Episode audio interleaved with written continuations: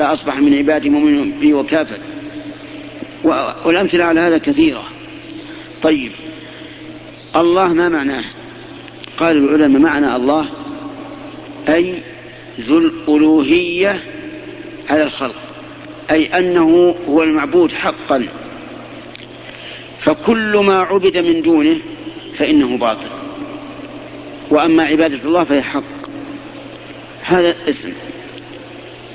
الذي لا إله إلا هو هذا نفي الشرك.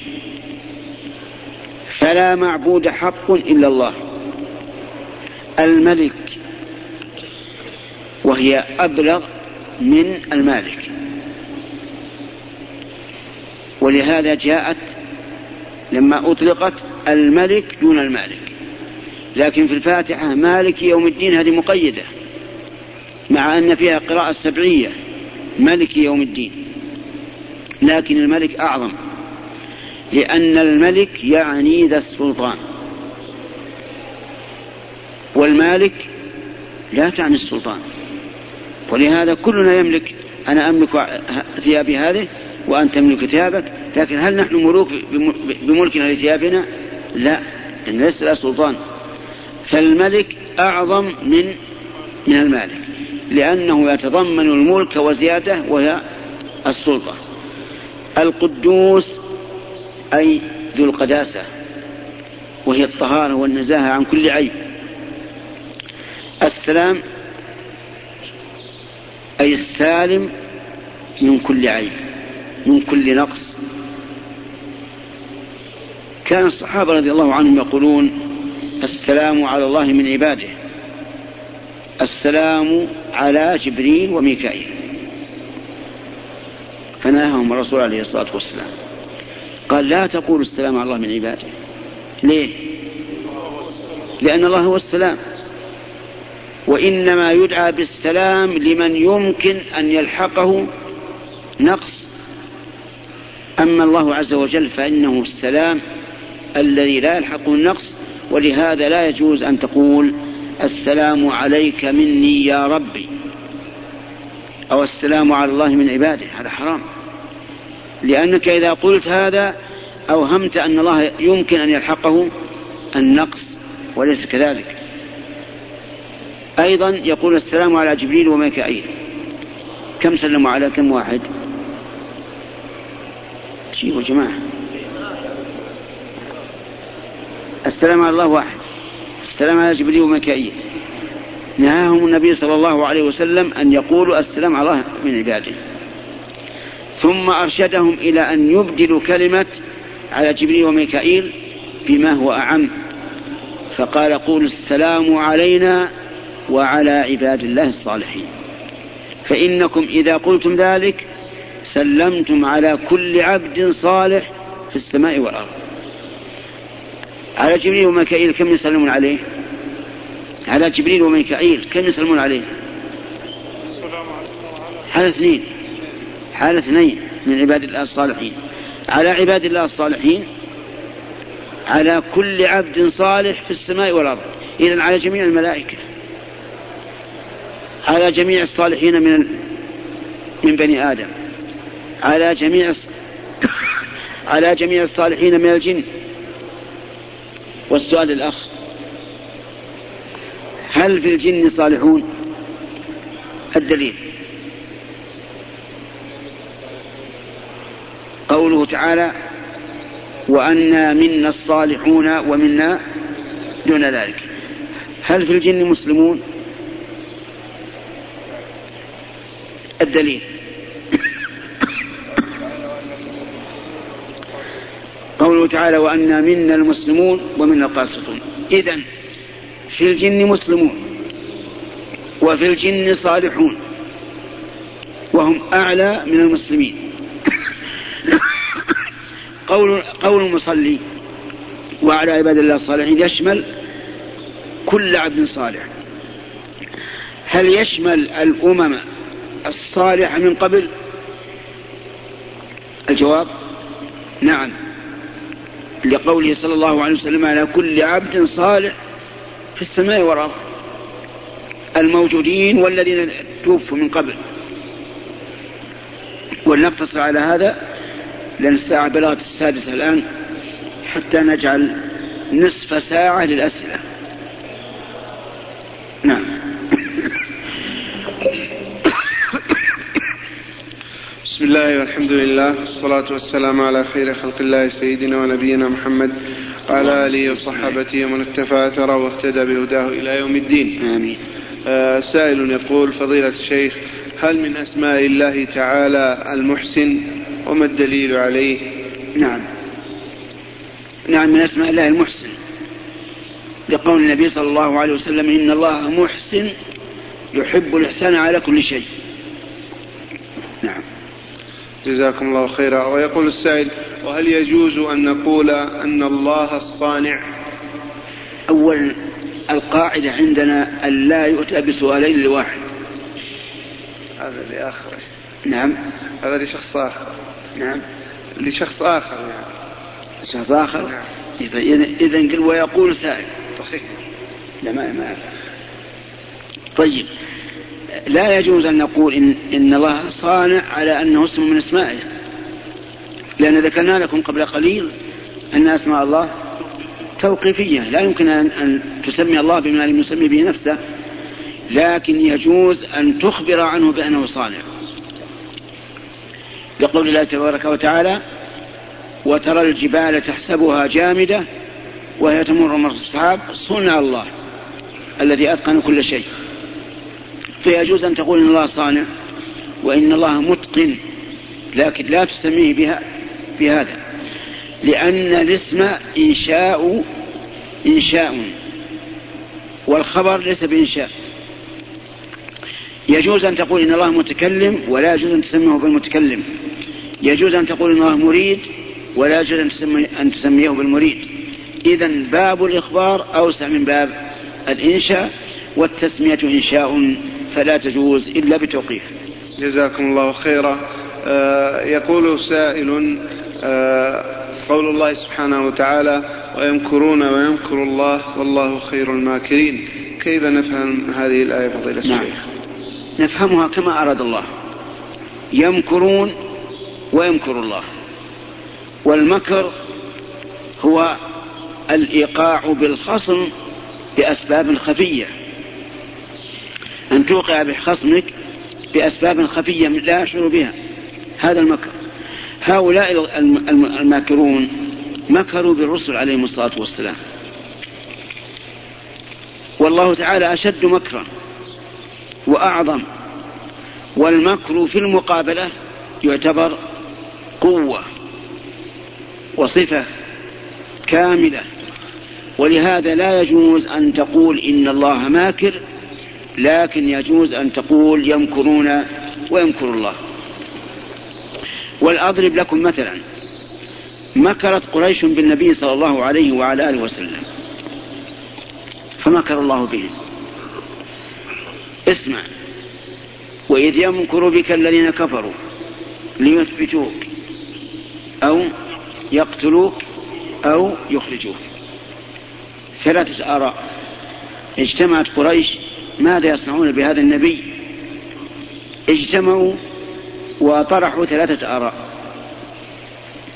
الإثبات والقتل والإخراج. الإثبات يعني الحبس. ثبته بالقيد حتى لا لا يخرج.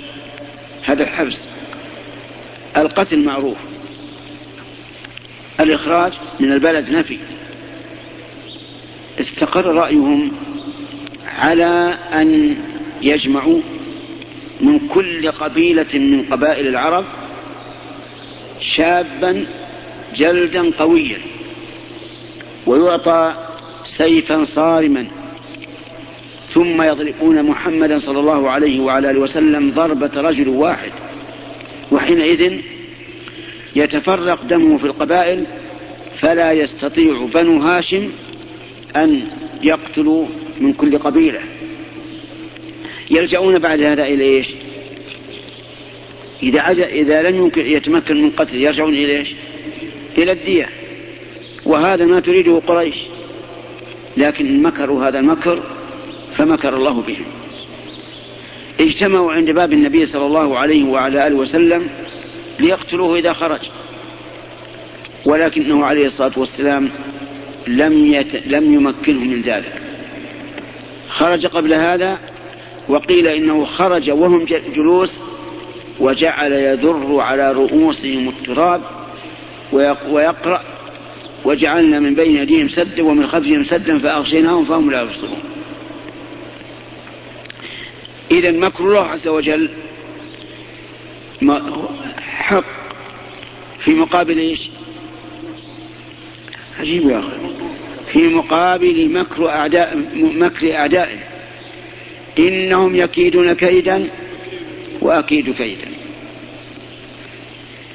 قالوا إنما نحن مستهزئون الله يستهزئ بهم. وأمثال هذا كثير. صفات تدل على القوة في مقابلة الأعداء. أما المكر على سبيل الإطلاق بأن تقول إن الله ماكر فهذا حرام. هنا شيء. هل يوصف الله بالخداع؟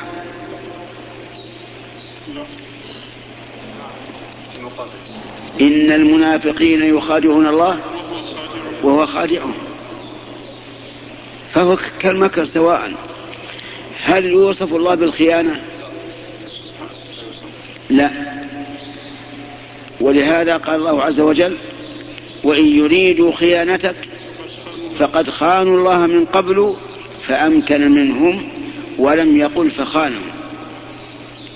لأن الخيانة هي الغدر بالغير في موضع الائتمان وهذا صفة نقص. بخلاف المكر والخديعة فإنها في مكانها صفة كمال. ويذكر أن علي بن أبي طالب رضي الله عنه أراد أن يبارز عمرو بن ود. وعلي رضي الله عنه معروف بالشجاعة والقوة. فخرج إليه هذا الرجل ليبارزه. وهذا فن يستعمله المقاتلون. يخرجون أقوى واحد منهم وأشجع واحد ليقابل نظيره في الطرف الآخر فإذا قتل أحدهم الآخر ذل قوم أي قوم مقتول. لما خرج عمرو بن ود ليقتل علي بن أبي طالب صاح به علي. صاح به وقال ما خرجت لأبارز رجلين. إيش الخديعة هذه؟ الرجل هذا التفت ظن أن أحدا لحقه. لما التفت صار ضرب رقبته سهلا. فضرب علي رضي الله عنه رقبته وأماته. هذه الخديعة هل هي جائزة أو غير جائزة؟ جائزة لا شك. لأن هذا رجل مبارز خرج ليقتل علي رضي الله عنه. فأراد أن أن يبين علي رضي الله عنه أنه خير منه.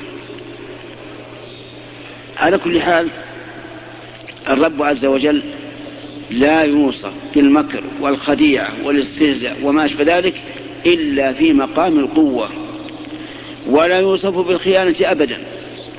وبهذا نعلم أن قول العامة خان الله من يخون حرام ولا يجوز. نعم. جزاكم الله خيرا. يقول السائل فضيلة الشيخ أحبكم في الله. سمعت منكم اليوم أن اسم الرازق يدل على الرزق. نعم. فهل الرازق من أسماء الله أو الرزاق؟ كلها. كلها من أسماء الله. الرازق الباسط القابض كلها من أسماء الله. كذلك الرزاق. نعم. جزاكم الله خيرا وأحسن إليكم. يقول السائل آه، فضيلة الشيخ نحن على عقيدة أهل السنة في إثبات صفات الله التي أثبتها لنفسه ونفي ما نفاه عنه. فهل يجوز لنا أن ننفي عنه ما لم يذكره تعالى عن نفسه من الصفات لا نفيا ولا إثباتا؟ إيش؟ هل؟ قل فهل يجوز لنا أن ننفي عنه ما لم يذكره تعالى عن نفسه من الصفات لا نفيا ولا إثباتا؟ نعم. لا يجوز. آه ما يضاف إلى الله عز وجل إما أن يكون الله قد أثبته لنفسه فنثبته. مثل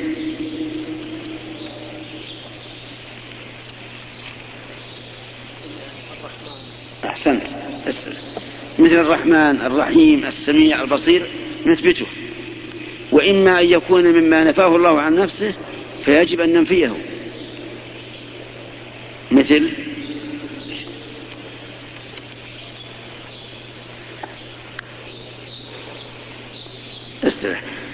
لا تأخذه سنة ولا نوم. وتوكل على الحي الذي لا يموت. وما ربك بغافل. وأمثال ذلك كثير. هذا يجب علينا أن ننفيه. فنقول إن الله لا ينام. ولا تأخذه سنة. وإن الله لا يغفل. وإن الله لا يظلم. وما أشبه ذلك. يجب علينا أن نؤمن بهذا.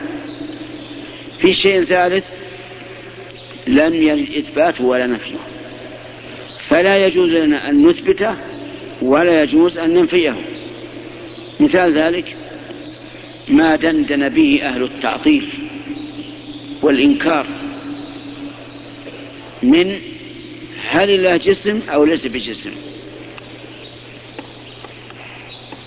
أتدرون أن أهل التعطيل جعلوا هذا قاعدة أساسية لإنكار الصفات؟ فإذا قيل لهم إن الله سبحانه وتعالى استوى على العرش. قالوا إذا قلنا باستواء العرش لازم أن يكون جسما والجسم ممتنع على الله. فجعلوا هذا الطاغوت الذي ارتكبوه جعله جعلوه الميزان للإثبات والنفي. الجسم لو قال لنا قائل يريد أن يحرجنا أتثبت أن الله جسم؟ ماذا أقول؟ إن قلت لا أخطأت. وإن قلت نعم أخطأت. ما الواجب علي؟ إذا كان إن أثبتت أخطأت وإن نفيت أخطأت فما الواجب؟ الواجب أن أتوقف. أقول والله أنا لا أثبت شيئا لم يثبته الله نفسه ولا أنفي شيء ولا أنفي شيئا لم ينفي الله عن نفسه. ولا تلزمني أنت بأن أن أثبت أو أنفي. أنا أشد أدبا منك مع الله ورسوله لأني لا أتجاوز ما حده الله ورسوله. لكن أسألك أنت أنت قلت أثبت الجسم أو انفه أسألك أنت ماذا تريد بالجسم؟ إذا قال أريد بالجسم الشيء المكون من أجزاء بحيث يمكن تفرق هذه الأجزاء وتقطعها أوصالا.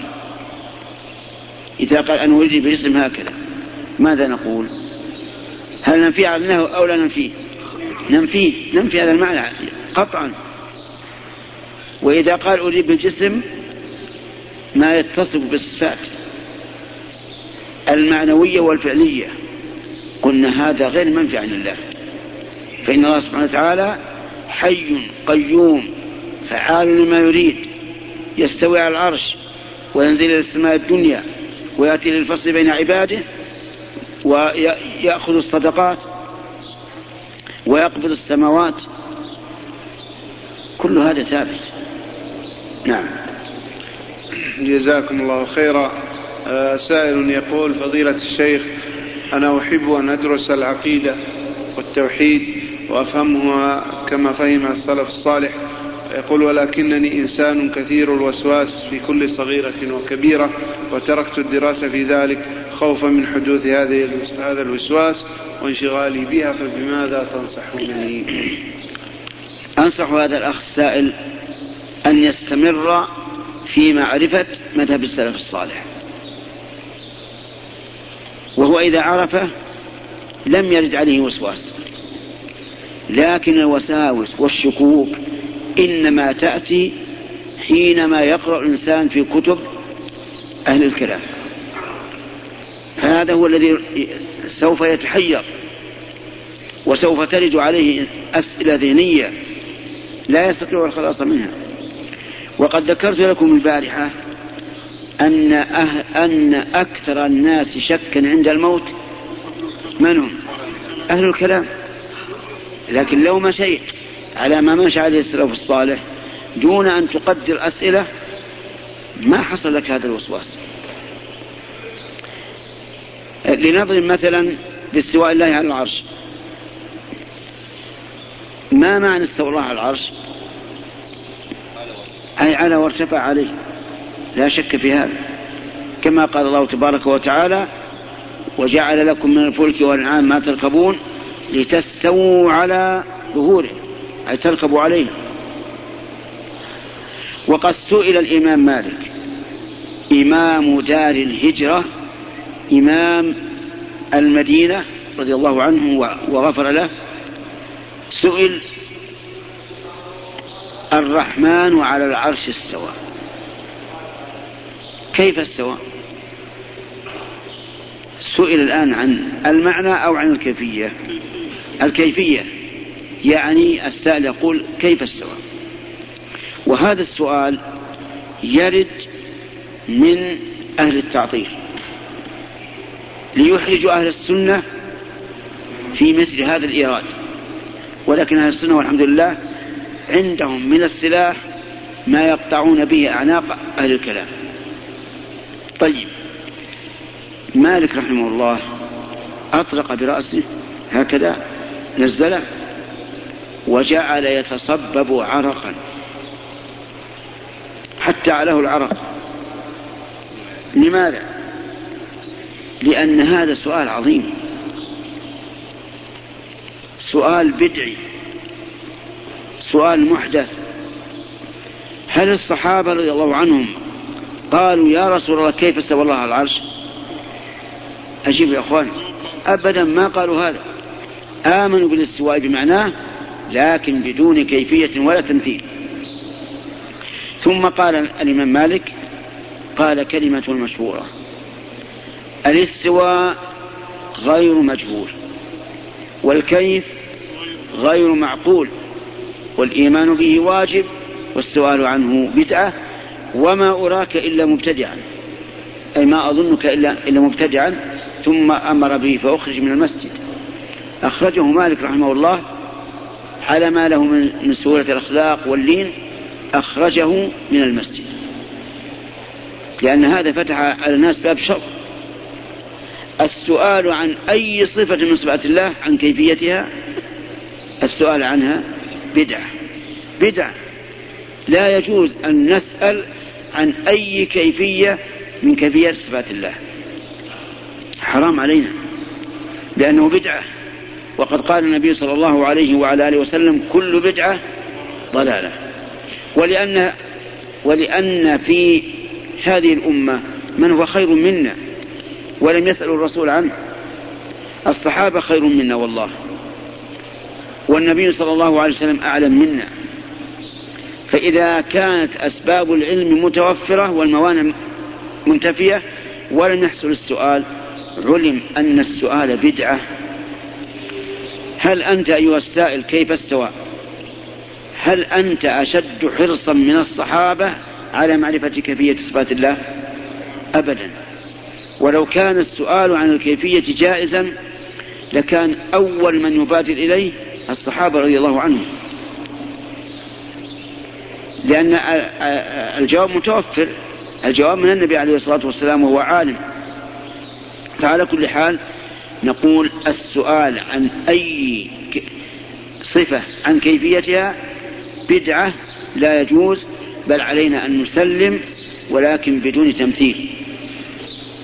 وقد سمعتم البارحة قول الرازي وهو من فحول علماء الكلام حيث قال أقرأ في الإثبات الرحمن على العرش استوى وأقرأ في النفي ليس كمثله شيء ولا يحيطون به علما.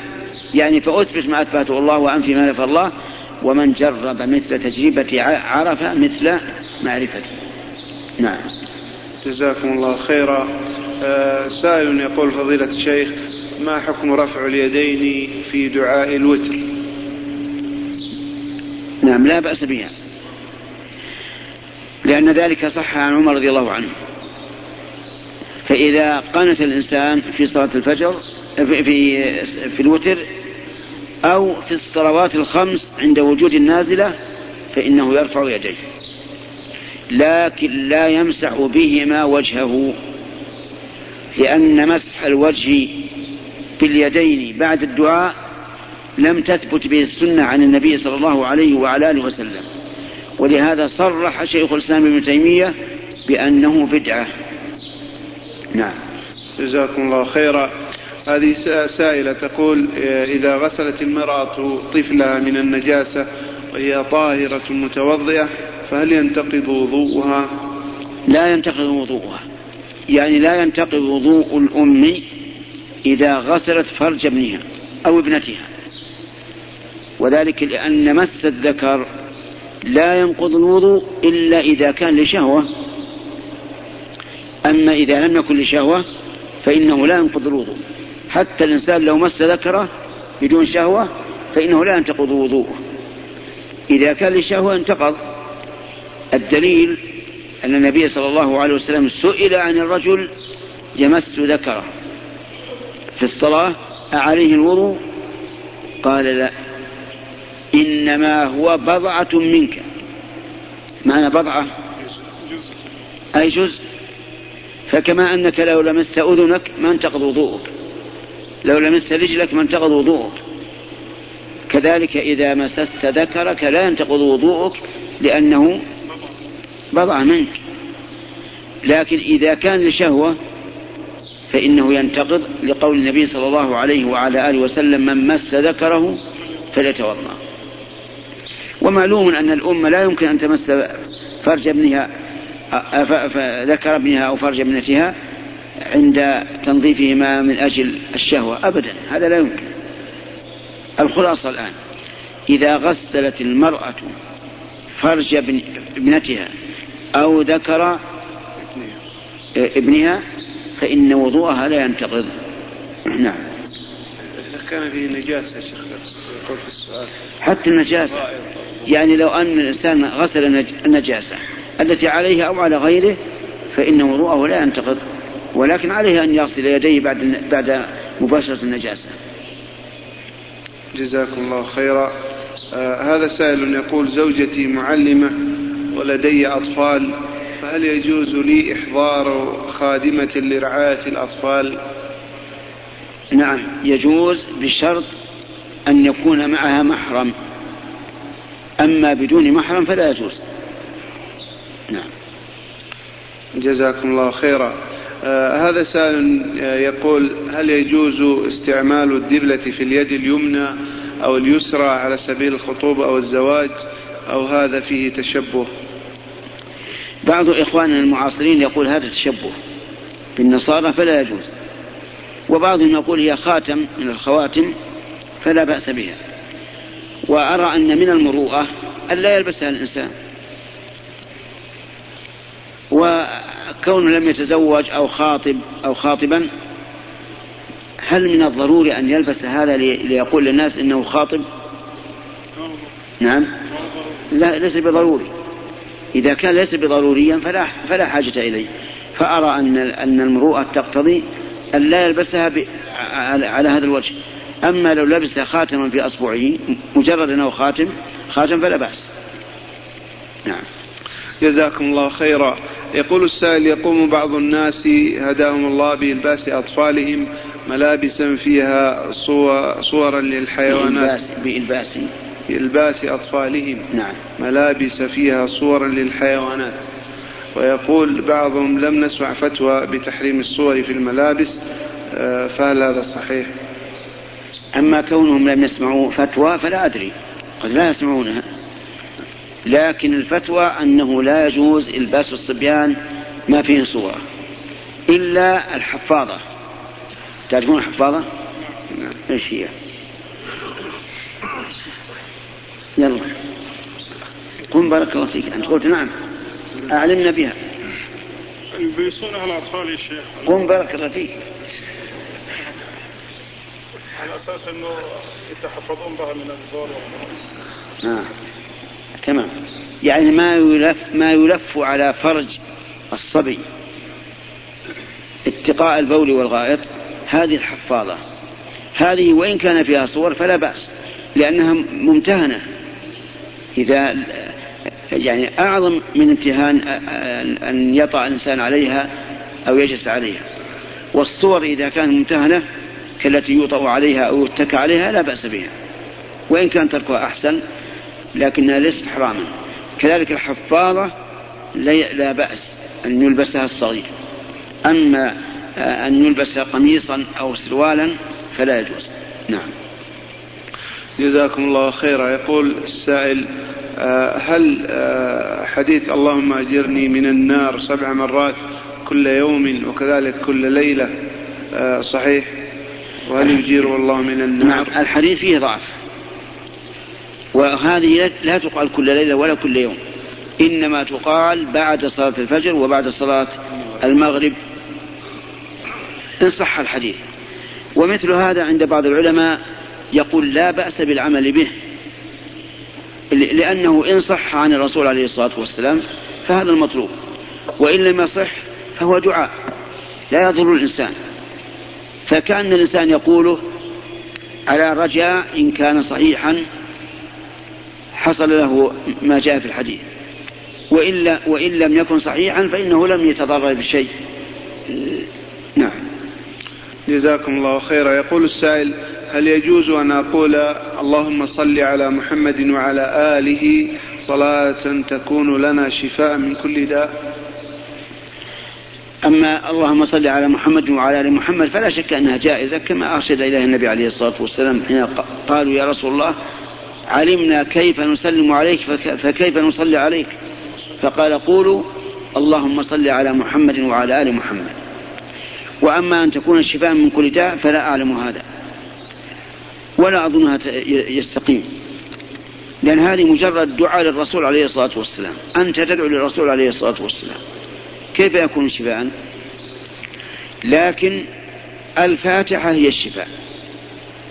قال النبي صلى الله عليه وعلى آله وسلم وما يدريك أنها رقية يعني الفاتحة.